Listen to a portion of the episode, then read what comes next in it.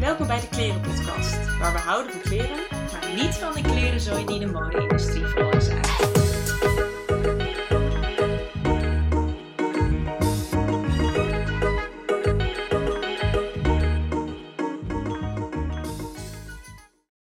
Hi lieve luisteraars, welkom bij een nieuwe aflevering van de Klerenpodcast. En het is vandaag een hele bijzondere aflevering, want we hebben onze eerste gast hier zitten.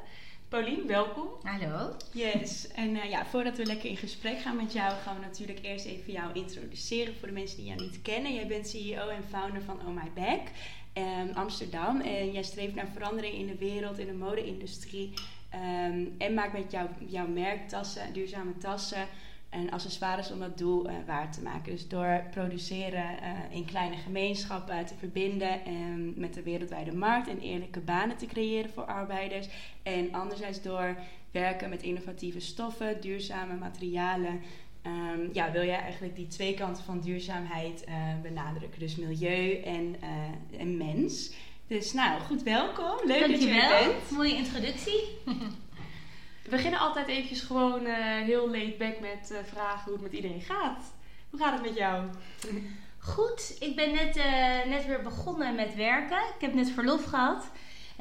ik heb een derde kindje gekregen, een Ja, jongetje. Moos. Ik heb nu drie jongens thuis. Um, dus ik heb net heel lekker drie maanden even afstand kunnen nemen van de business. En um, ik ben nu net, nu net weer begonnen deze week. Dus um, ja, Spannend. Je zit er helemaal lekker in. Ja, iedereen vraagt natuurlijk de hele dag aan mij door. Hoe vind je het om weer aan het Ja. werk te gaan?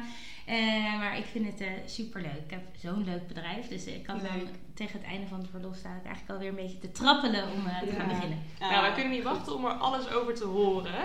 En Zeker. jou? Ja, ook goed. Ik ben vooral echt super benieuwd naar, naar wat Paulina wat te vertellen heeft. En ik vind het heel leuk dat we, eh, ja, dat we dit gaan doen. Ja, en verder ben ik ook echt zo aan het inkomen. Want ik was vorige week op vakantie in, eh, in Oostenrijk, wintersporten. lekker. Heel lekker. Dus dan, maar dan vergeet je ook alweer, als je één dag thuis bent, ben je er alweer. En dan lijkt het alsof je niet op vakantie bent geweest. Ja, dat is verschrikkelijk. Dus eh, nou, helemaal in de running, maar heel leuk, leuk om hier te zijn. En jij?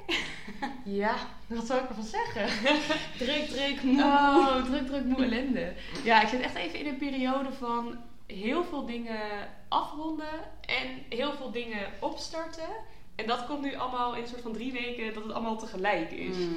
Dus ik merk dat ik oh, daar wel echt een beetje eh, klaar mee ben. Je hebt ook vijf banen tegelijk. Ik heb ook, zo voelt het een beetje. Het voelt alsof ik vijf banen tegelijk heb. Maar ehm, Hoe komt dat dan? Sorry, ik ben even benieuwd. Heel veel dingen afronden Ja, en heel veel ja. dingen opstarten. Ik eh, ga vanaf eh, april aan mei eh, stage lopen bij Tomo. Dat is een. eh, Oh ja. eh, ik weet niet of je van gehoord hebt, maar oh, mijn bek wordt er ook verkocht. ja? Ja. Oh, nou, superleuk. Ehm, dus daar ga ik beginnen. En dan ga ik stoppen met de bijbaan die ik nu heb. Dus dat is nu nog eh, afronden. En bij Tomo eh, ben ik al lekker begonnen met eh, inwerkdagen, hele leuke workshops. Eh, ik leef echt mijn fashion dream die ik altijd heb willen leven, eindelijk. Leuk. En waar ga je Ehm, stoppen? Eh, bij eh, een restaurantje in, eh, in Leiden. Dus Ah, ja. ik laat de horeca achter me. Toch niet iets voor jou. Nee, ja, ik vond het heel leuk. Een super schattig restaurant, heel gezellig. Alleen, het is niet, niet waar ik ga Nee. blijven. Je ritme is dan ook helemaal anders. Je bent in de Oh. avond gewoon altijd Ja, bezig. ik ben gewoon vanaf vijf uur, begin, zeg maar, dan heb ik al de hele dag gehad. En dan komt die avond nog tot Ja. half één, één uur. Maar goed, dus daar... Zou je het liefst ook eh, willen werken bij, in, in de duurzame mode-industrie? Ja, totaal. Ja. Ja. Ik, het is wel dat ik het nu pas een keer echt ga ervaren. Dus ik ga er nu pas echt achter komen van, joh, ehm, is, het het nou, is het het nou echt? Maar ik heb dus nu een paar workshops gevolgd. ehm, en mijn team ontmoet. En eh, de mensen achter Tomo ontmoet. En ehm, het voelde zo fijn. En, Oh, en, zo'n goede sfeer. Dat ik echt dacht van, ja, als dit het is, dan... eh, Dan teken ik hiervoor. ja, dan voel ik me echt op mijn plek. Leuk. Heel Dus, eh, en ondertussen gaat eh, de universiteit ook nog door. nou, dan gaan we door naar ehm, altijd een van mijn favoriete vragen. En dat is of iemand nog wat leuks, nieuws, duurzaams, prikkelends Ja. heeft meegekregen. Ik wil eerst het woord geven aan Paulien, want ik ben heel benieuwd waar jij zo al aan denkt. Ehm, nou, eigenlijk moet ik meteen denken aan mijn eigen bedrijf. Want wij zijn net, hebben een nieuw eh, kantoorpand zijn we daar ingetrokken. En dat is allemaal gebeurd terwijl ik met verlof was. Ik ben op het openingsfeestje geweest, maar verder ben ik er niet meer geweest. En zit aan de centuurbaan. prachtig mooi pand. Twee stappen verwijderd van onze winkel daar. En eh, ja, het is gewoon zo cool om te zien dat we nu weer een soort van zulke stappen aan het maken zijn in professionaliteit. Je stapt Ja. gewoon een super gaaf kantoor binnen. We hebben drie vergaderzalen, belhokken. Cool. En er zijn ook vijf nieuwe mensen begonnen ongeveer voordat ik wegging. Dus we hebben dan nu echt zo 30 mensen daar zitten en allemaal nieuwe gezichten. Ook twee mannen. We hebben heel lang alleen maar vrouwen Ja. in dienst gehad. En dan waren de mannen wel stagiairs of dat mensen die in de winkel werkten. Maar nooit echt in het vaste team. Dus dat is helemaal nieuw en leuk voor ons, twee mannen. Leuk. Ehm, dus het, het- ja, het nieuwtje is nog steeds mijn, kan- mijn kantoor en mijn bedrijf en de nieuwe mensen. En elke dag eh, ja, huppel ik daar nu naar binnen. Ja, Van, eh, wat heb ik toch een, eh, een cool bedrijf. Maar nieuwe Ja. ontwikkelingen, willen jullie ook iets horen over nieuwe ontwikkelingen wat betreft ehm vegan leer of gaan we daar straks in duiken? Ehm, nou, als jij er nu al leuk, over... ja.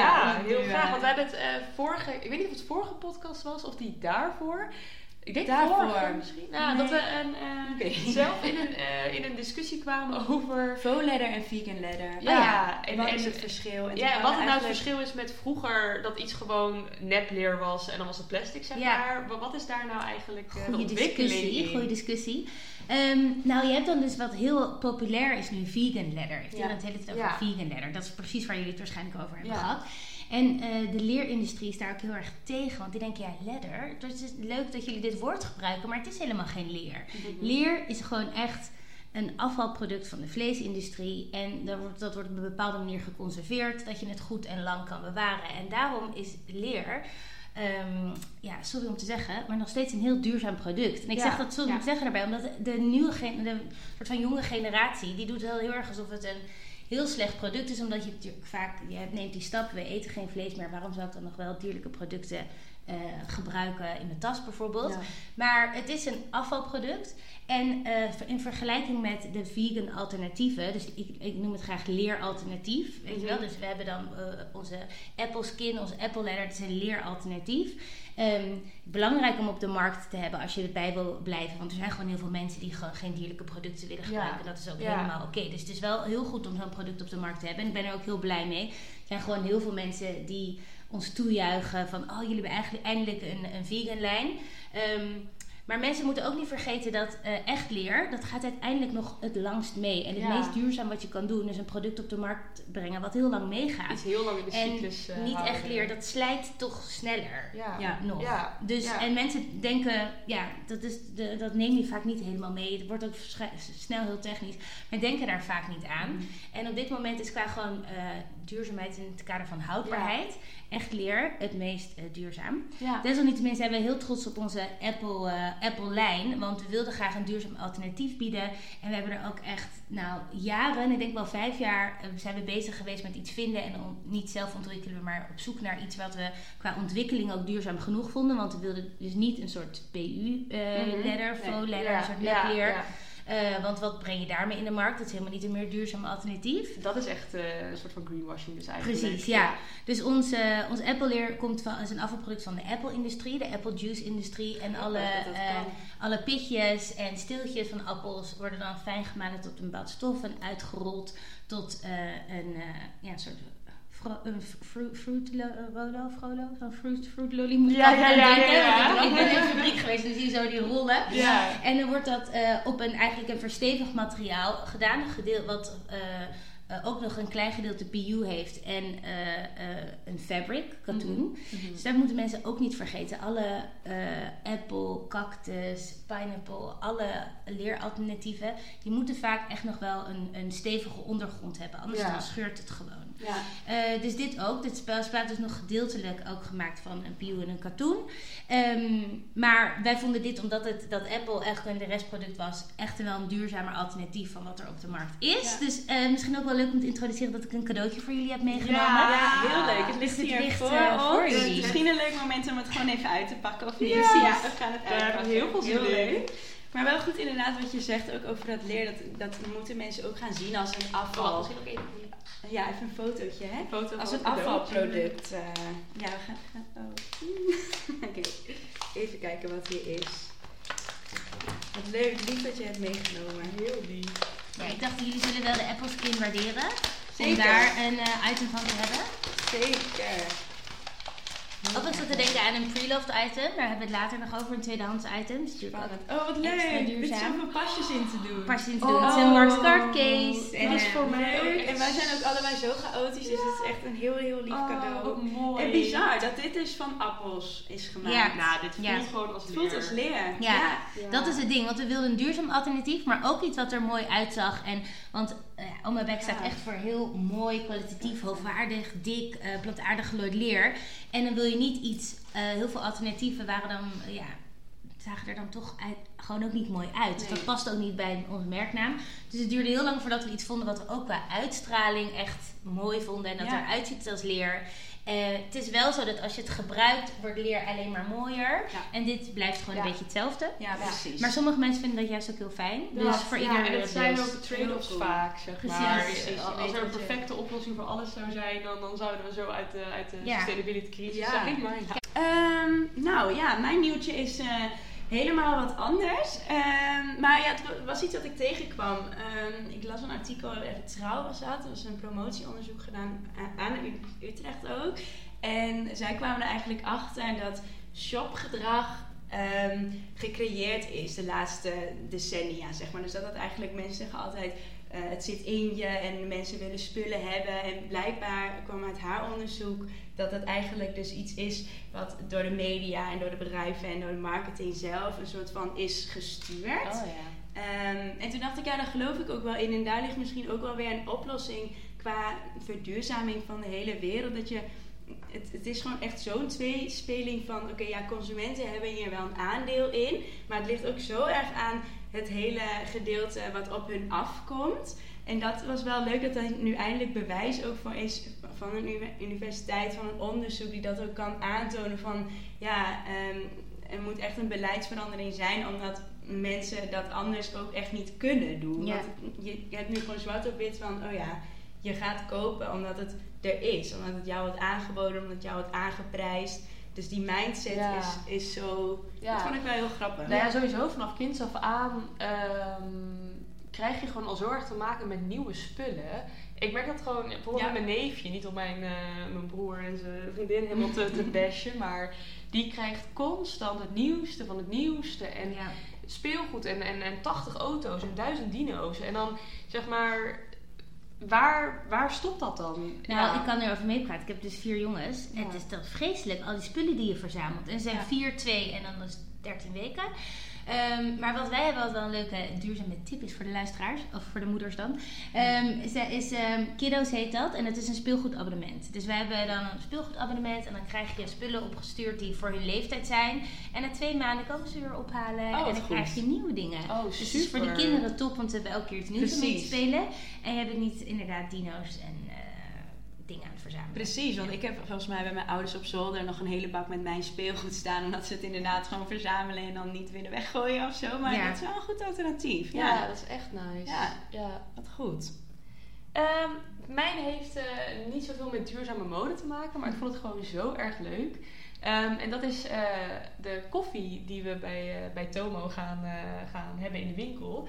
Hij is eh, van Moje Amsterdam. Oh ja, daar hebben we ook koffie van. Ja, oh, ja, grappig. bij werk, ja. Oh, ja, en dat heet dus Fair Chain koffie. Dus dat is een, een, een stap verder dan Fair Trade. Dus ehm, naast eh, dat ze bezig zijn dus met een eerlijk, ehm, hoe noem je dat? Een eerlijk eh, loon voor eh, koffieboeren, maken ze dus eigenlijk de supply chain zo kort mogelijk. Dus ze doen het branden en het verpakken ook voor volgens mij 84% in de landen waar de koffie ook echt vandaan komt.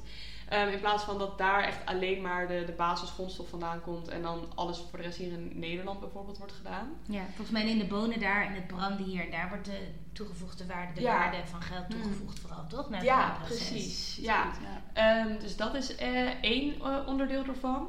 En eh, je kan dat dus ook, en dat is dus dat transparantiegedeelte waar wij het dus heel vaak ook over hebben, is dat ze dus werken met blockchain. En dat je dus ehm, dat hele proces kan checken. En Dus wie je- de koffieboon dan heeft Ja.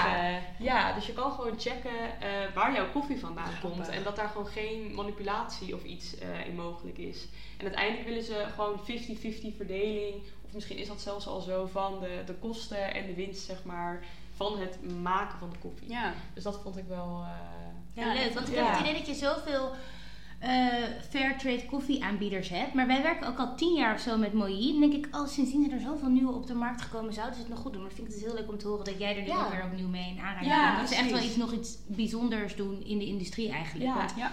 volgens mij is het ding, als je van die koffieconnoisseurs vraagt, dat het branden, dat wil je juist hier doen, omdat het dan verser is. Ja. Hè? En dat dat Ja. dan lekkerder zou zijn. Maar goed, ik vind de Moï koffie super lekker Ja. op kantoor hebben. En ze hebben ook een soort van niet een, een wijzend vingertje van op hun website zeggen ze ook.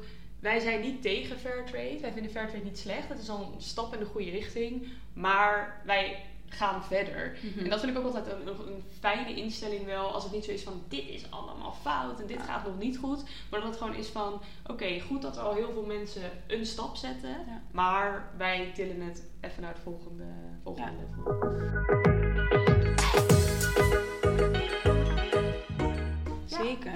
Ja, en misschien een goede brug naar het duurzaam ondernemen in de algemene zin. En ook naar, naar wat jij doet, eh Paulien, met Ja. Oh My Back. Want dat is het Ehm, thema van vandaag. Dat is inderdaad het thema van vandaag. Over, overal het thema omdat jij natuurlijk een duurzaam ondernemer bent. Ehm, dus onze eerste stelling is eigenlijk... ehm, nou, het is makkelijk om een nieuw, een nieuw duurzaam bedrijf te starten. Ehm, ik zal gewoon even vertellen hoe ik ben begonnen Ja, en ja. waarom en wat het idee erachter was. Ik heb eh, eh, net als jullie ook in Utrecht gestudeerd. Eh, geschiedenis en internationale betrekkingen. Mhm. En daarna dacht ik, ik wil voor buitenlandse zaken werken of de VN. Was altijd mijn, mijn, mijn goal of ambassadeur worden.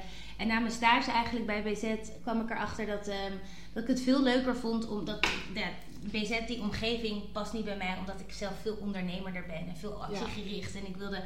ehm, ja, maken natuurlijk beleid en het is op beleidsmaakniveau, maar ik wilde veel liever gewoon naar die landen en met die mensen spreken en zien of je een verschil maakt. Ehm, en dit eh, ja, was toch gewoon een veel te bureaucratische omgeving Mhm. voor mij. Dus ik wil zelf iets doen. Ik wil zelf een eh, bedrijf opstarten.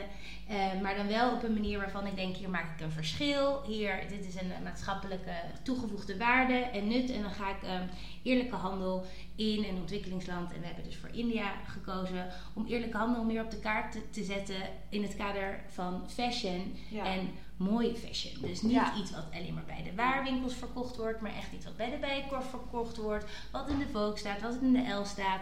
Een gaaf product dat mensen gewoon willen hebben. En dat ze het niet willen hebben omdat ze, omdat ze zien dat het een fair trade product is, maar omdat het gewoon een gave tas is en dat ze dan Ja. misschien in tweede instantie ook nog zien, oh cool, het is ook nog goed gemaakt en hier is over nagedacht. Het is een sociaal, ehm, sociaal merk en een, eh, en een, duurzaam, een duurzaam merk.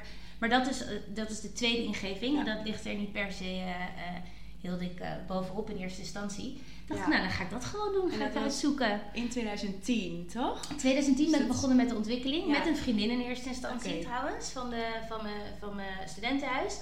En eh nou, gaat allemaal natuurlijk niet zo heel makkelijk. ik had geen eh, ontwerpachtergrond. En met mijn geschiedenis geen economische skills per se. Maar goed, we hadden gewoon een bedrijfsplan geschreven. Kwamen er al snel genoeg achter. Oké, als we iets willen, dan moeten we ook echt naar India en Indonesië. In dit geval zijn we allebei gegaan om daar producenten te bezoeken. We hebben echt wel eh 30 producenten bezocht. Zijn we daar voor het eerst in eh leerlooierijen geweest en gezien eigenlijk hoe, eh, wat voor verontreiniging dat ook met zich meebrengt in India. dacht ik, oké, nog, een, nog een probleem. Ja. Ehm, en eh, het lukte ook helemaal niet om een goede eh, producent te vinden. De eerste die we, eh, waar we een afspraak mee hadden, was wel grappig. Kwamen we in de lobby van het hotel, kwamen zij ons ophalen. En wij dachten, oké, we worden nu meegenomen naar de fabriek. Wij vonden het helemaal spannend. We dachten, Ja, oké, we echt as professional as possible. Wij waren ook echt 24 toen of zo. Ja. Helemaal serieus. En toen gingen ze daar in de lobby ineens alles uitpakken. Ze hadden wel vijf dozen mee. Allemaal lelijke soort van plasticachtige samples. Het was één grote plastic bedoeling. Ze hadden een entourage mee Oh, van nee, acht mensen. En ik zat helemaal gegeneerd om me heen te kijken. Van, dit heeft veel te veel rommel. We hoeven al die tassen niet te zien. We willen graag naar de fabriek. Nou, moeilijk, moeilijk. Na enige overredingskracht zijn we toch in de auto gestapt naar de fabriek. Drie uur verder, want dit was in Mumbai. En ik, dit was onze eerste keer in India. En ook de Indian traffic. dat was Oh, gewoon ja. een drama. En toen stapten we uit bij ehm Dharavi. Dat is een van de eh sloppenwijken in Mumbai. En we hadden ook net in de, het vliegtuig eh Slumdog Millionaire gezien. Ja, Kennen ja, ja, ja. Zij waren hier helemaal in. dan, we zijn hier nu. Oh, hier stappen we uit.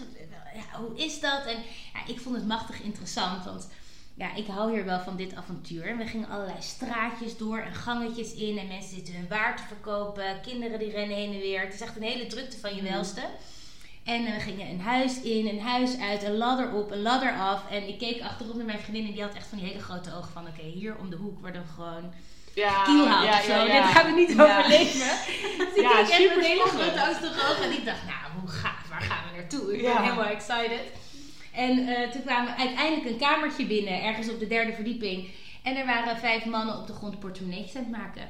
En dat was de, de productiefaciliteit. Wauw. Nou, vond ik ook echt waanzinnig interessant. Ja. Want ze waren best wel mooie portemonnees aan het maken. En ik dacht, nou, de V&D bestond toen nog. Toen dacht ik, dit soort dingen zie je gewoon bij de. Ja, Hier, zo worden dingen gewoon gemaakt.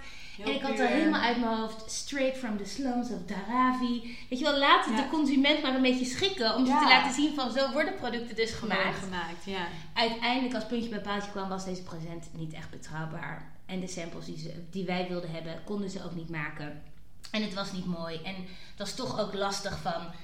Ja, wat vind je daar dan van? Ze zitten, alle werk, de omstandigheden zijn niet goed. En je bent juist voor goede werkomstandigheden. Ga je dit dan helemaal zo eerlijk... Nou, werd het te ingewikkeld verhaal. En Ja. Evelien, die vriendin, die dacht ook van... I don't think so.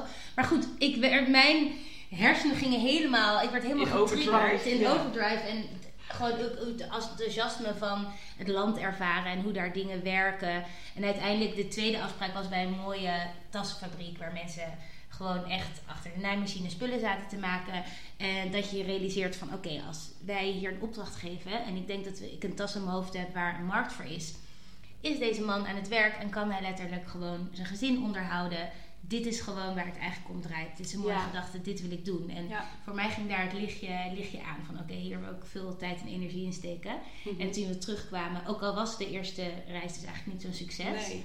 Eh, geen goede producent. En Evelien dacht toen ook op een gegeven moment, jongens, ik ga ermee stoppen, want het duurt best wel lang voordat we hier ooit een keer een salaris uit krijgen. Ja. En ik dacht juist, ja, helemaal mijn straatje. Dit Ja. is super gaaf. Ik zie hier een grote uitdaging. Ik ga door. Dus gaaf. Dus je denkt dat je ook wel misschien ehm, dat zo'n eh, avontuurlijke ehm, Instelling. instelling en ja, wij hebben dat ook wel eens gehad, die entrepreneurial e- eigenschappen, die Ja. moet je dus wel echt hebben om, om, om het door te zetten. Want ik denk dat, het best wel ook. veel mensen misschien dus inderdaad in eerste instantie het idee hebben Mhm. en de motivatie hebben, maar dan dus misschien logischerwijs bijna afhaken. Ja. En dan moet je bijna een soort van denken van nee, dit, dit, dit triggert mij Ja, ik denk dat het ook wel helpt hoor, dat je jong bent en eigenlijk die ontweten, onwetendheid. Want als ik misschien toen al had geweten tegen welke gigantische uitdagingen ik de hele tijd op zou lopen. En gewoon dat het best wel gewoon lastig is en moeilijk geworden, dan was ik misschien nooit begonnen. Ja. Maar als je lekker zo jong van de universiteit, kijk, je hebt geen geld, dus dat je nog geen salaris hebt, vind je dan ook nog niet zo erg. Dan doe je ja. the side, deed dan een beetje bijbaantjes. En we hebben, om dat verhaal ook te vertellen, we hebben toen een starterskapitaal gekregen van de gemeente Amsterdam. Eh, zo kon ik beginnen. Maar ja, je had weinig, dus je had ook weinig te verliezen. Dus ik kon inderdaad ehm, ja, gewoon een soort van gewoon lekker beginnen. En ik had Mhm, ja. vrij, ik vond mezelf ook vrij onbevreesd. En Ja, misschien nu, misschien heb je dat nodig. tien jaar later, denk ik van jeetje, geinig dat ik er zo in stond. Ja. Dat dacht ik wel niet. Maar dat heb je dus wel nodig. Ja, precies. heel goed. Wat leuk. En was, je- heb je toen ook nog gemerkt, omdat het natuurlijk 2010 was, er was wel een stuk minder, denk ik, over duurzaamheid aan de hand in de wereld. Van, jij bent wel meteen gegaan voor een, een goede, verantwoorde onderneming. Van, heb je daar nog dingen, ben je tegen aangelopen waarvan je dacht, oh ja, eh, hier word ik helemaal niet in gesteund of hier ben ik de eerste in. Ja. Of- Nou, mijn visie, visie was gewoon in eerste instantie, als mensen ook vragen wat vind je belangrijker binnen uh, het sociale aspect, aspect of het milieuaspect, ben ik in, eerste- in eerste instantie begonnen voor het sociale eh, aspect. Ik wilde echt die eerlijke handel op de kaart zetten. Eh, want dat was ook met geschiedenis, met mijn achtergrond, mijn interesse of ontwikkelingssamenwerking wilde ik ook graag in werken. Maar ik dacht, als je handel samen doet, sta je veel meer op gelijke voet. Dus dat lijkt me een fijne manier om daarmee bezig te zijn. Eh, en langzaam, en dan wat ik vertelde, dan kom je in die leerlooierij en dan zie je dat het eigenlijk heel erg slecht is voor het milieu. Dan denk ik, ja, ik kan niet een heel sociaal bedrijf gaan starten, maar wat anderzijds voor het milieu super slecht is. Ja. Oké, Ja. we moeten hiermee aan de slag. En toen is dat, die component steeds beter geworden. We zijn toen begonnen met ehm, ecoleer en dat is gewoon vrij gelooid leer. Uiteindelijk na een jaar of zo kon ik aanhaken op een project dat al gaande was met Fairtrade Original over, om ecoleer te maken, chroomvrij leer te maken. En zij waren al best wel ver met het overtuigen van een leerlooier in Calcutta, in Ja. de Calcutta omgeving wordt gemaakt, om dat eh, te maken en dat mooi te maken. Dat is, het is wel leuk, want dat is de original Oh My Back leer. Dat is dit Oh, leer. Ja, Ik ja, zet nu ja. een eh, tas op de tafel. Ja, precies. Wij met een stoer uitziend leer. En deze tas is bijvoorbeeld ook echt al vijf jaar oud. Maar je ziet dat dat leer gewoon steeds mooier Ja, wordt. dat Het is een het. stoer uitziend leer. En dat was ons eerste leer. Dat noemden we toen ecoleer. Maar dat is ook best wel lastig, want wat is ecoleer? Ja. Maar in ons, wij hadden dan uitgeschreven op de website, ons ecoleer is chroomvrij leer. En chroom, dat zit in heel veel toepassingen. Ja. Maar en in de leerindustrie wordt dat heel erg veel gebruikt. En dat is eigenlijk, als dat in Europa eh, gebruikt wordt, helemaal niet, hoeft dat helemaal niet zo'n pro- eh, probleem te zijn. Als er goed met de afvalstoffen en zo stromen en zo wordt Mhm. omgegaan. Zoals je kan voorstellen, in India is dat nog wel anders. Ja. Dus wij zagen daar inderdaad de straten blauw zijn van het chroom. En Ja. mensen zonder beschermen, bescherm, handschoenen en laarzen in die industrie werken. Jullie hebben vast wel de, de documentaires of de films hierover gezien. Yes. Ehm, dus we hadden ervoor gekozen, oké, dan moet het chroomvrij eh, leer zijn. Ja. Maar het sociale aspect was, eh, was het meest belangrijk. Maar dat was niet eens je vraag. Maar ik was helemaal Nee, afge- nee, afge- helemaal goed. Ja, het ik was gewoon allemaal logisch, eh. Dat is ook wel heel grappig, want we gaan eigenlijk meteen door naar de t- tweede stelling van... Ja, duurzaamheid heeft dus inderdaad te maken met, nou ja, enerzijds, enerzijds die kant van het milieu, maar aan de andere kant dus ook dat sociale, sociale aspect. Van hoe, hoe doe je dat? Van, is het moeilijk om, om het 100% duurzaam te doen? Dus je hebt wel die struggle gekend van, oh ja, maar als we hiervoor kiezen, dan is het weer niet ehm veranderd voor de mensen. Als we hiervoor kiezen, is het weer niet dit. Hoe heb jij dat ervaren, die keuze? Ehm, nou, eigenlijk die keuze, die maak je de hele tijd, Ja. de afweging. Voor mij, oh ja, want dat was inderdaad in eerste instantie wel vraag. Hoe was het Mhm. in 2010? Speelde Ja. duurzaamheid al? En eh, ik begon te vertellen, ze- voor mij was het een beetje logisch om zo te beginnen. Want waarom zou je een product in de wereld brengen die mensen uitbuit of eh, meer vervuilend is? Dus op zich was dat gedachtegoed er zeker in 2010. Eh, Ik denk dat heel veel mensen ook überhaupt dachten tassen. Waarom zijn tassen een lijn in de wereld helpen? Er zijn al genoeg tassen. Ik vind tassen gewoon een heel leuk product. En was zelf altijd al tassenfan. En tas, dat, ja, dat, ik een beeld van de mode, maar niet van per se van de kledingindustrie met al die duizenden maten. Ik denk dat Ja. tas is gewoon één maat. Eh, dus dat was een beetje mijn, mijn niche.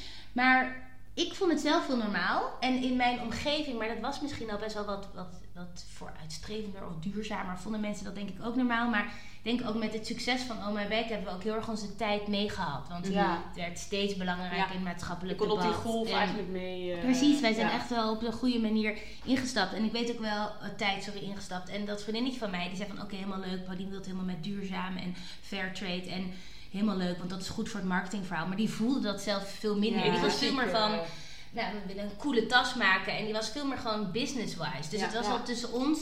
eh, had zij niet per se heel erg die mindset en, en ik veel, veel meer. En ik denk uiteindelijk is zij er ook mee gestopt. En eh, was, is de authenticiteit van het merk klonk ook wel door, omdat ik dit wel echt heel erg vond. En was ja. het anders waarschijnlijk helemaal niet zo succesvol geworden als alleen maar een gedeelte van, het, van het bedrijf dat echt zou voelen. Ja, Ja, maar ik denk dus wel dat we de, de wave van de duurzaamheid, Ja, gewoon op het goede debat moment eh, op, ja.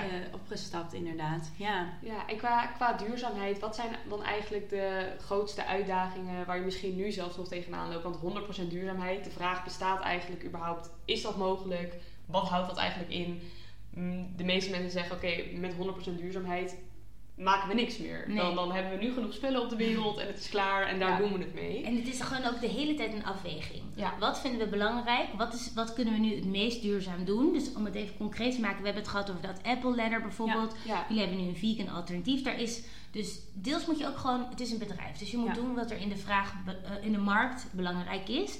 Dus zo'n product op de markt zetten, naast dat wij het een belangrijk vonden om een leeralternatief op de markt te zetten, is daar ook vraag naar. En dan doe je het alleen. Ja, dat ja. is ook wel echt belangrijk om te realiseren. Ja. En dan wilden, willen we dat elke keer weer verbeteren. Dus nu hebben we bijvoorbeeld heel geinig het Oho Skin. Dat wordt van eh, cactus en sinaasappel gemaakt in Sicilië. Super mooi. ik Oh, heb hier een geel een We eh, krijgen weer een voor ons. en ik heb hier ook een cool. meegebracht. En dat is super geinig, want Ja. het is geel en al onze tassen zijn altijd eh, cognac, bruin, ruby. Heel erg basiskleuren, omdat je dat het makkelijkst eh, ook op een duurzame manier kan Ja. looien. En dit is geel, dus dat is voor ons wel heel geinig. Maar, Maar, is, is het door de, het product? nee, is wel, echt- Wel, denkt, eh, je denkt leuk sinaasappel. ja, het is ja, sinaasappelgeel, ja. maar het is gewoon eh Ik dacht dat het wel heel vet Ja, zijn. precies. Ja. Eh, en hebben we een sample laten maken. Dit is een heuptasje, onze Drew Bamback. En ehm, Dat zie je, het is helemaal niet stevig genoeg, want hier Oh, scheurt ja. het al. Wij gaan Oh, er dus ja. dan ook heel erg Ja. soort van eh, eh, heel erg testen of het wel Ja. stevig genoeg is en overal aan de randen kijken. Ja. Dus dan kan je een mooi duurzaam leeralternatief hebben, wat op een echt een goede manier wordt gemaakt. We leggen ja. het uit hier. Ehm, maar als je het vervolgens maar een jaar kan gebruiken omdat het, omdat het product scheurt, is het ook niet duurzaam. Dus dat is bijvoorbeeld een uitdaging. Wat breng je op de markt en wanneer is het nou echt duurzaam? Eh, een ander issue is bijvoorbeeld ehm, nou, het sociale eh, eh, aspect, de goede leefomstandigheden en dat mensen voor zichzelf kunnen zorgen. Dus genoeg geld krijgen om de tassen te maken. We hebben bijvoorbeeld een living wage project. En dat is eigenlijk een project om mensen een living wage te betalen versus een minimumloon, wat ze over het algemeen Ja. krijgen in Ja. India. Ehm, nou, daar weet je vast veel vanaf ook met je studie, maar dat is, een, dat is een heel groot concept. Wij betalen onze mensen aan de fabriek nu een living wage, maar dat is een premium op, hun, ehm, op het geld wat ze gewoon van de producent krijgen. Ehm, maar wij zijn één van de inkopers. Want Ja. wij hebben het merk, we hebben ons design en dan is een team in Amsterdam en de verkoop en de marketing en de operatie. Mhm. En we kopen de tassen in bij de fabrieken in India. Dus we hebben daar niet 100% het zeggenschap over. Dus als wij zijn een Mhm. inkoper en willen graag living wage betalen. Maar als de andere drie inkopers, bijvoorbeeld drie, eh, dat niet per se willen. Want Mhm. ja, het is wel gewoon een stuk meer betalen.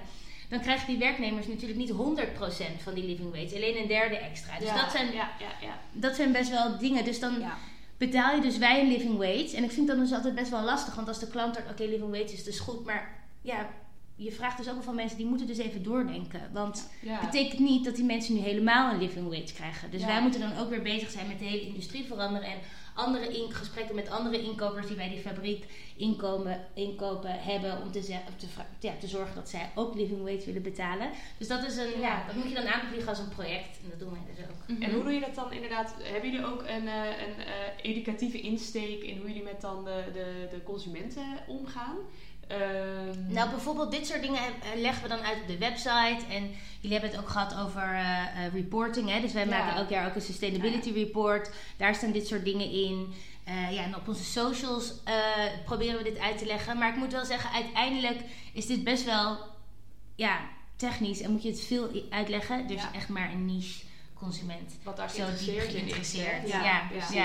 Ja, snap ik wel. Ja, Ja. Maar goed, daarom is het dus ook aan ons om, als merk om daar de industrie ook meer in te veranderen. Ja. Ehm, ja, en het is ook heel lastig van waar ligt jouw verantwoordelijkheid versus je kan het ook niet over gaan nemen voor een land. Hè? Nee. uiteindelijk moet, eh, is, moet het land en de regering en de regelgeving ook achterkomen: oké, minimumloon is niet voldoende om in de stad van rond te komen. Dus moet, de minimumlonen moeten ook omhoog. Mhm. Weet je Ja. wel? En dan Ja. moet je dan ja, moet Het je is dan in een de hele politiek daar gaan lobbyen.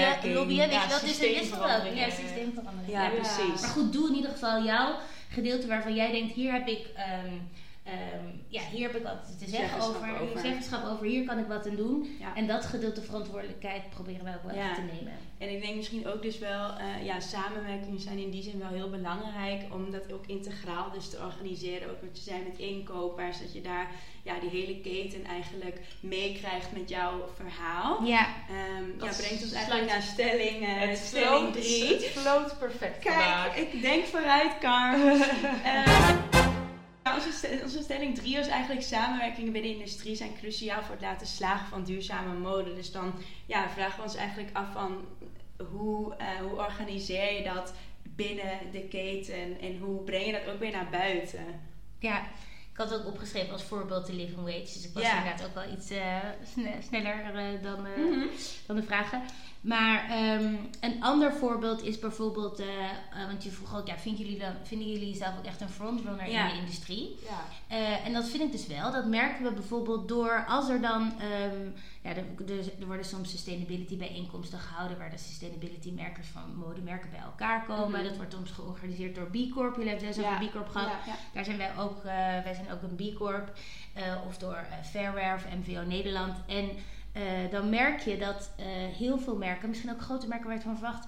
Die zijn dan nog helemaal niet zo ver of met living wage. Of die zijn veel minder ver dan wij. Of dat ze het ook echt al betalen. Iedereen denkt erover na. En het is ook ingewikkeld Ja. hoor.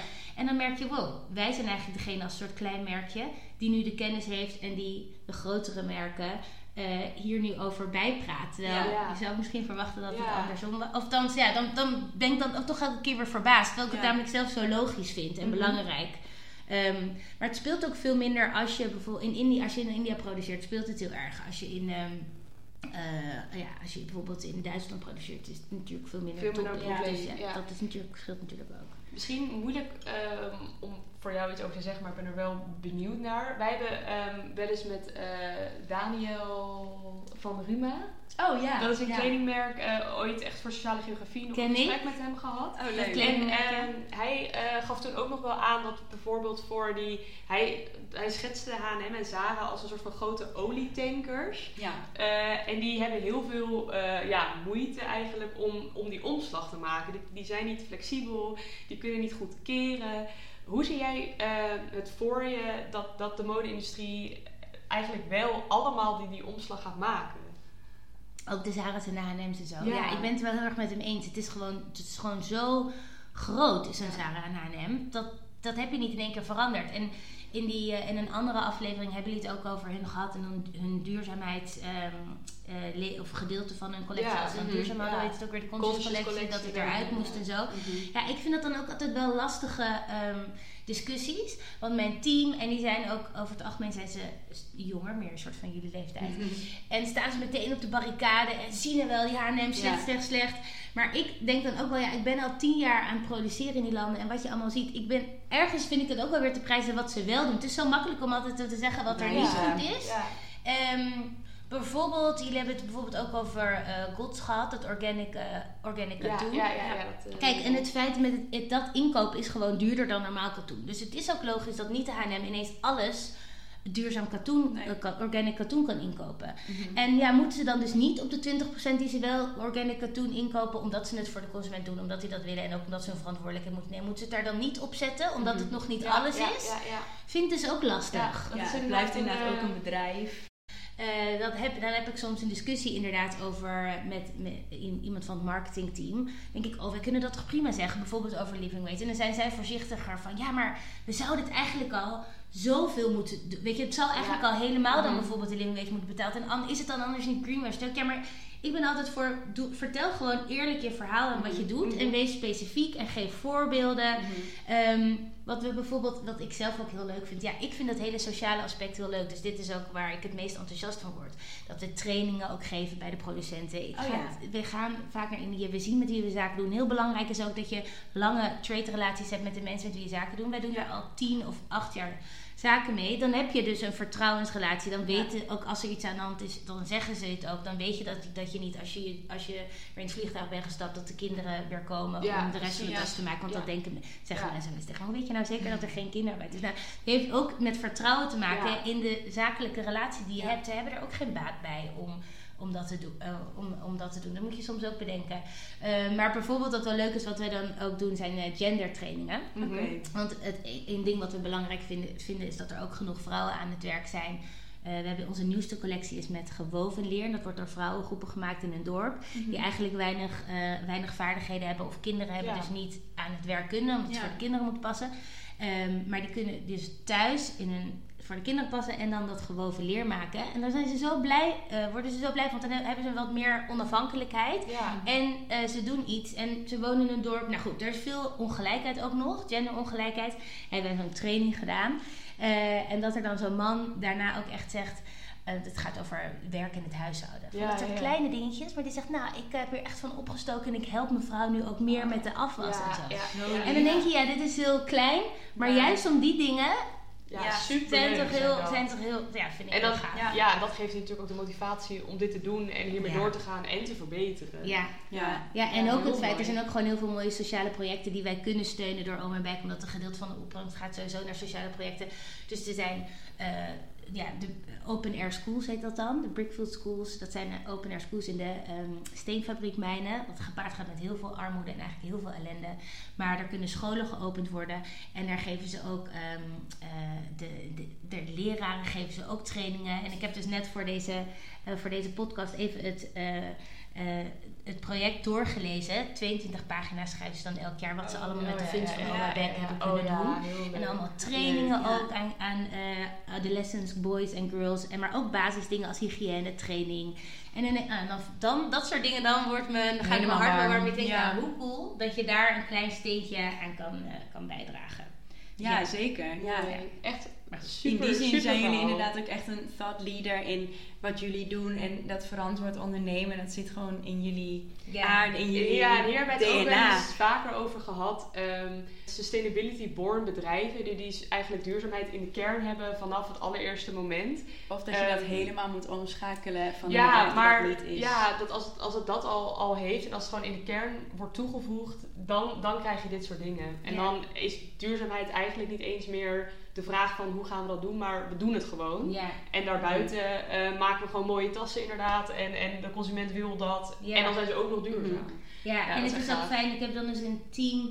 Iedereen die vindt en voelt dat, weet je wel. Dus het is niet dat je de helft van je team ook nog moet Nee, overtuigen. dat wilde ik net vragen. Van, heb je dan, als je inderdaad je team wilt samenstellen, ook nog dat je dat in elk persoon wel ergens wil vinden, die duurzaamheidspassie? Ja, dat is wel echt belangrijk. Ja, Mensen moeten echt eh, gepassioneerd zijn over duurzame mode. Mhm. Ehm, en, maar gelukkig is het heel fijn dat er dus zoveel aandacht voor is. Ja. Willen er ook heel veel mensen in dat eh, gebied Ja. werken. Dus je hebt Ja. wat dat betreft als werkgever ook wel een streepje voor dat je wat doet in duurzaam. Maar, maar soms ook toch nog op eh, sollicitatiegesprekken mensen die... die dan zeggen van, oh ja, ja, nou, ja, ik vind het wel leuk, maar ik denk er zelf nog niet zo heel erg over na. Dan denk nou, ook een mooie gelegenheid om, om mensen, Mensen mee te de trein krijgen. krijgen. je hoeft ja. niet meteen eh, een expert te zijn. Nee. En ehm, ja, nee, dat, we hebben nog echt een groot onderscheid ook. ehm, dat noemen ze dan lichtgroene mensen en donkergroene mensen. Mhm. Die lichtgroene mensen die denken af en toe al wel aan duurzaamheid, maar nog niet zo goed en weten er het fijn er niet vanaf. En dan hoeft het niet meteen zo te zijn van, oh, jij bent dat nog niet, ga maar eerst even verder leren en dan spreek Ja. je later wel weer. Nee, neem die mensen inderdaad juist mee. Ja. Ja, ook wel. Ik denk dat wij ook wel heel erg, Ja. dat moet ik me soms ook eh, eh, aan herinneren, in een supergroene bubbel zitten. Ja. Want iedereen bij ons kantoor is inderdaad of ongeveer vegan vegan.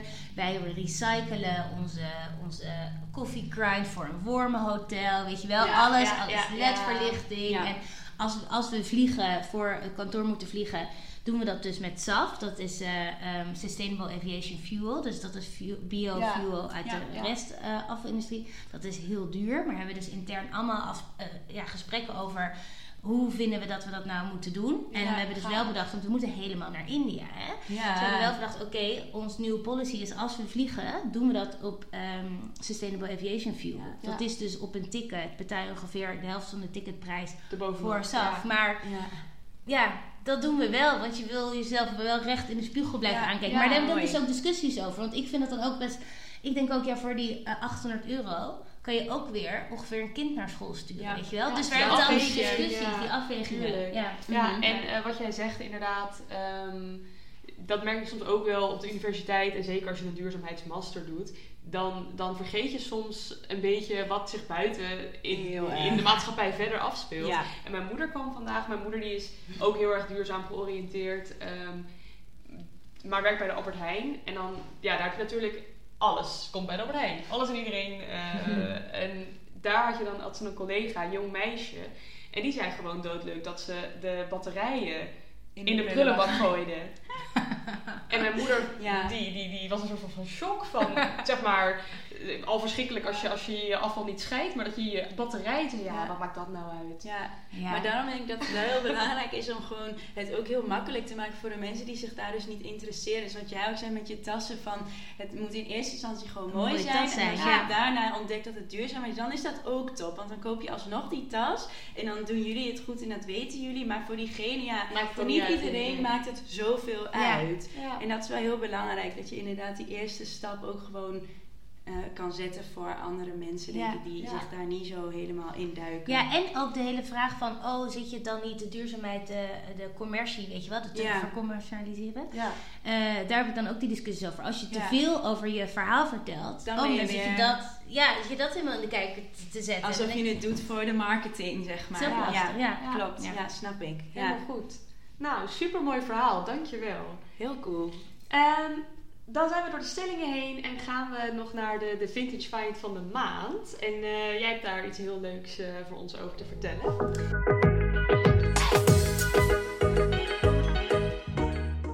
Ja, gaat weer over Oh My Back uiteraard. Maar wij hebben een eh, pre-loved library, heet, we dat, heet, heet dat. Eh, in onze winkels, maar ook online. En daar kan je je tas, nou, als je bijvoorbeeld vijf jaar van je Back hebt genoten, maar merkt dat hij steeds vaker alleen maar achter in je kast belandt, kan je hem terugbrengen naar de Back winkel of opsturen. En dan kan je hem ruilen voor een ander mooi duurz- eh, duurzaam tweedehands exemplaar. Dus dan kan je Super ineens, gaaf. waar jij misschien een shopper had, ineens een superleuke rugtas eh, Maakt niet uit wat je ruilt. Het moet ongeveer hetzelfde, prijsniveau zijn. ja, Ja, ja. want dat, dat, in het begin hadden we daar niet goed genoeg over nagedacht. Dan iedereen met zo'n inderdaad heel afgeracht klein portemonneetje. En hier gaat dan met zo'n grote weekendtas dus. Dus inderdaad, het moet ongeveer hetzelfde prijsrange zijn. Of eh, je kan hem inruilen en dan krijg je korting op een nieuw item. Dus je zegt, ik geef hem gewoon, ik doneer hem. En dan krijg je 20% korting op Heel een nieuw cool. item. Ja. Ja. en dat loopt super goed, want...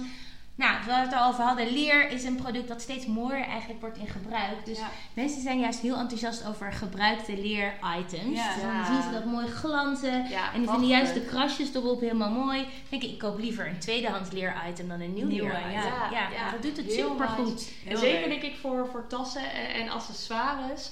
Ehm, ik vind dus altijd dat je een, een outfit die je al, al, laten we zeggen, 20 keer hebt gedragen. En je doet daar opeens een andere tas bij. Zoveel verschil. Ja, Ja, alsof het nieuw is. zo. En dan is met zo'n library is ideaal dat je dan eh, Ja. dat op een duurzame manier kan toevoegen. Ja, goed. Ja, zeker. Super. Ja, heel leuk. En jij, wat heb jij te ver- Nee, vertellen? ja, ik moet eerlijk zeggen, eh, ik ben super sustainable bezig op het moment. Ja, Dus ik, ik koop gewoon even niks. nou, ik heb dus wel, het is wel weer, het is confession time, maar ik heb er echt goed over nagedacht, maar het is nog niet binnen. Oh. Eh, dat is van dat merk, van dat, de Fated, wat ik dus Oh ja, eh, die maar dat witte is wel broek duurzaam. vandaan heb. Het is wel duurzaam, Ja. maar niet tweedehands, want het is dus heel erg nieuw en het bestaat eigenlijk alleen nog maar in Australië. Ehm, en dus via Zalando in Nederland. Maar voor de rest kan je het nog nergens krijgen. En ik heb het op Vinted heb ik het gezocht. En het staat er nog niet. Dus het is echt het is heel klein Dat is jammer, hè? Die kleine merkjes kun je Ja, echt niet Dat kan je vinden. niet goed vinden. Maar goed. ehm, Maar voor de luisteraar die dit nog niet heeft gehoord, ik weet nog niet wat het is. Of komt het Oh, nog? eh, ja, het komt nog. Het Eh, nog. Ik, heb een, eh, ja, ik heb een paar afleveringen terug had ik daar dus een witte pantalon van gekocht. Omdat mijn andere pantalon was gescheurd bij mijn bil. Ehm, en van dat merk heb je dus een, ehm, een, eh, eh, een broekje en een eh, blouse. Allebei 100% katoen geloof ik. Organisch katoen. En in een beetje... ehm, ja, ik weet niet hoe ik die kleur moet noemen. Apple. Volgens mij heet die officieel Apple. Het is een beetje... Oh ja, ja Eh, lichter. geel-groen-achtig. Ehm, wat je dus in de zomer zeg maar gewoon als, als pakje kan dragen. Eh, maar je kan de blouse apart dragen, je kan het broekje dragen met een andere top. Hm. En dat is gewoon iets wat ik echt al elke zomer wil. Zo'n zo'n two-piece die bij elkaar hoort. Ja. Ehm, en gewoon in deze kleur, met deze biologische stoffen van dit merkje, dacht ik ja, ik, ik, ik, ik, ik moet Dit dit, doe hebben. ik. Maar goed, ik heb het nog niet binnen en het is niet vintage, dus daar mijn Maar excuses maakt niet uit. Op zich, zeg maar, duurzame kleding is ook prima. Ja, en ik verwacht wel dat ik dit heel lang kan dragen, ook omdat je het dus kan combineren. Ik heb wel eens Ja. eerder een two-piece gehad, eh, was dat een lange broek en een blouseje. En die heb ik gewoon zo vaak gedragen en dan steeds los van elkaar. Ja. Of eh, samen. Samen Mhm. vind ik het echt meteen een amazing outfit. Maar los van elkaar kan ook gewoon helemaal. Ja, maar Ja. dat is ook inderdaad wat hij eh, uit het promotieonderzoek dus zei. Van ja, stop met shoppen is zo'n simpele boodschap om het te verduurzamen. Dat is echt onrealistisch. Dus dat is ook helemaal niet wat wij denk ik proberen te zeggen. Van je mag echt nog wel winkelen, net als bij Oh My Bag. Of met dit, dan ben je al heel bewust bezig met... Het hoeft niet, zeg maar, de Ja, hele... je ziet dat er nooit meer iets gekocht kan worden. Nee, natuurlijk niet. Dat is zo onrealistisch. Dus Ja. Ik vind niet dat je jezelf zo streng moet aanpakken. Dankjewel. Ja, sinds wij deze podcast hebben durf ik niks meer Nee. te kopen. Elke aankoop die ik doe, denk ik, oh, dit, dit, dit, dit, hier gaan ze achter Ja, echt hè? Nou ja, we komen er ook wel Ja. achter.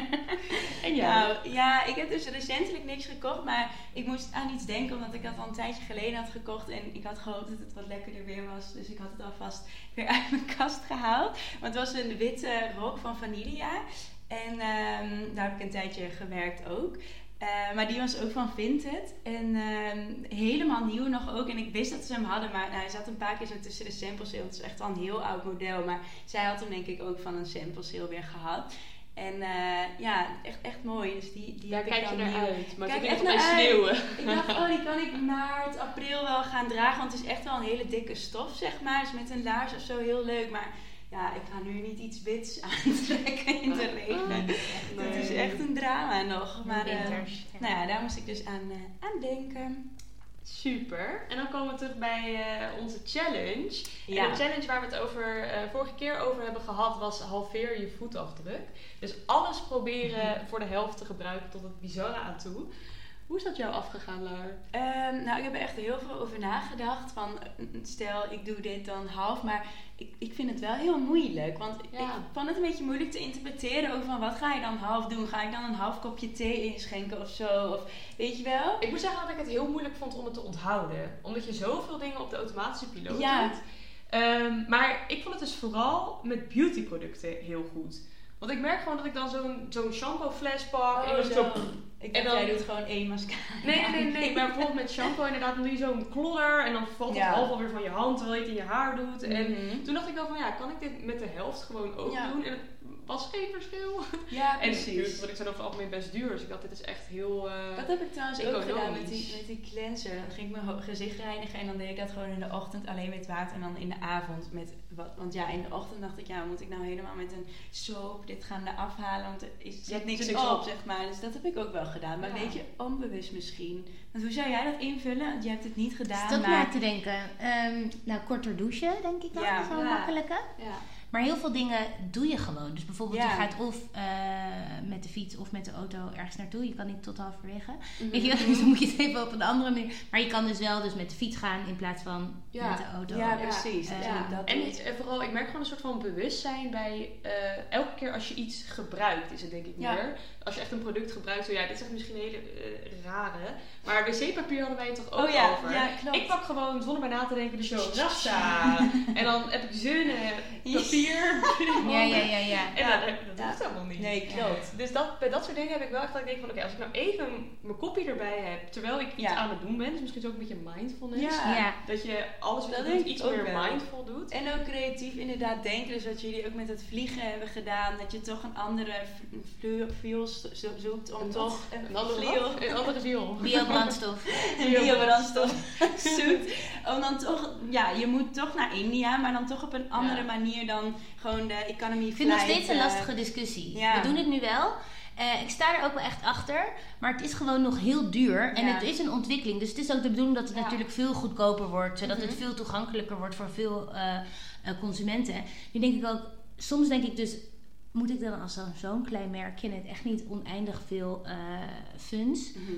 Hier al mijn geld aan uitgeven? Ja, Weet je, dat kan ik. dus ook op- op andere innovatieve Ja. manieren. Ja, Eh, maar aan de andere zijde is vliegen natuurlijk iets zo slechts. Weet je wel? Ja. Dat je ook denkt, ja, je kan hier ook niet dat gewoon En blijven doen. ja, Nee, nee. negeren. Dus ja. Nee, nee, Mhm. nee. Ja. Misschien Ja, nog leuk een laatste vraag, gewoon uit nieuwsgierigheid hoor. Maar hoe doe jij zeg maar wat duurzaamheid, hoe implementeer je dat in je eigen, in je eigen leven? Want we hebben nu inderdaad veel gehoord over hoe je dat bij het bedrijf doet. Maar ik ben wel benieuwd eh, hoe je dat dan persoonlijk nog eh, implementeert. Nou, ik heb dus drie kinderen. Dat Mhm. zei ik me ik toen ik nog voor de derde keer zwanger werd. Nou, dat is echt heel onduurzaam, hè? Dat is echt alle onduurzaam. Oh, ja, Kreeg je die opmerking?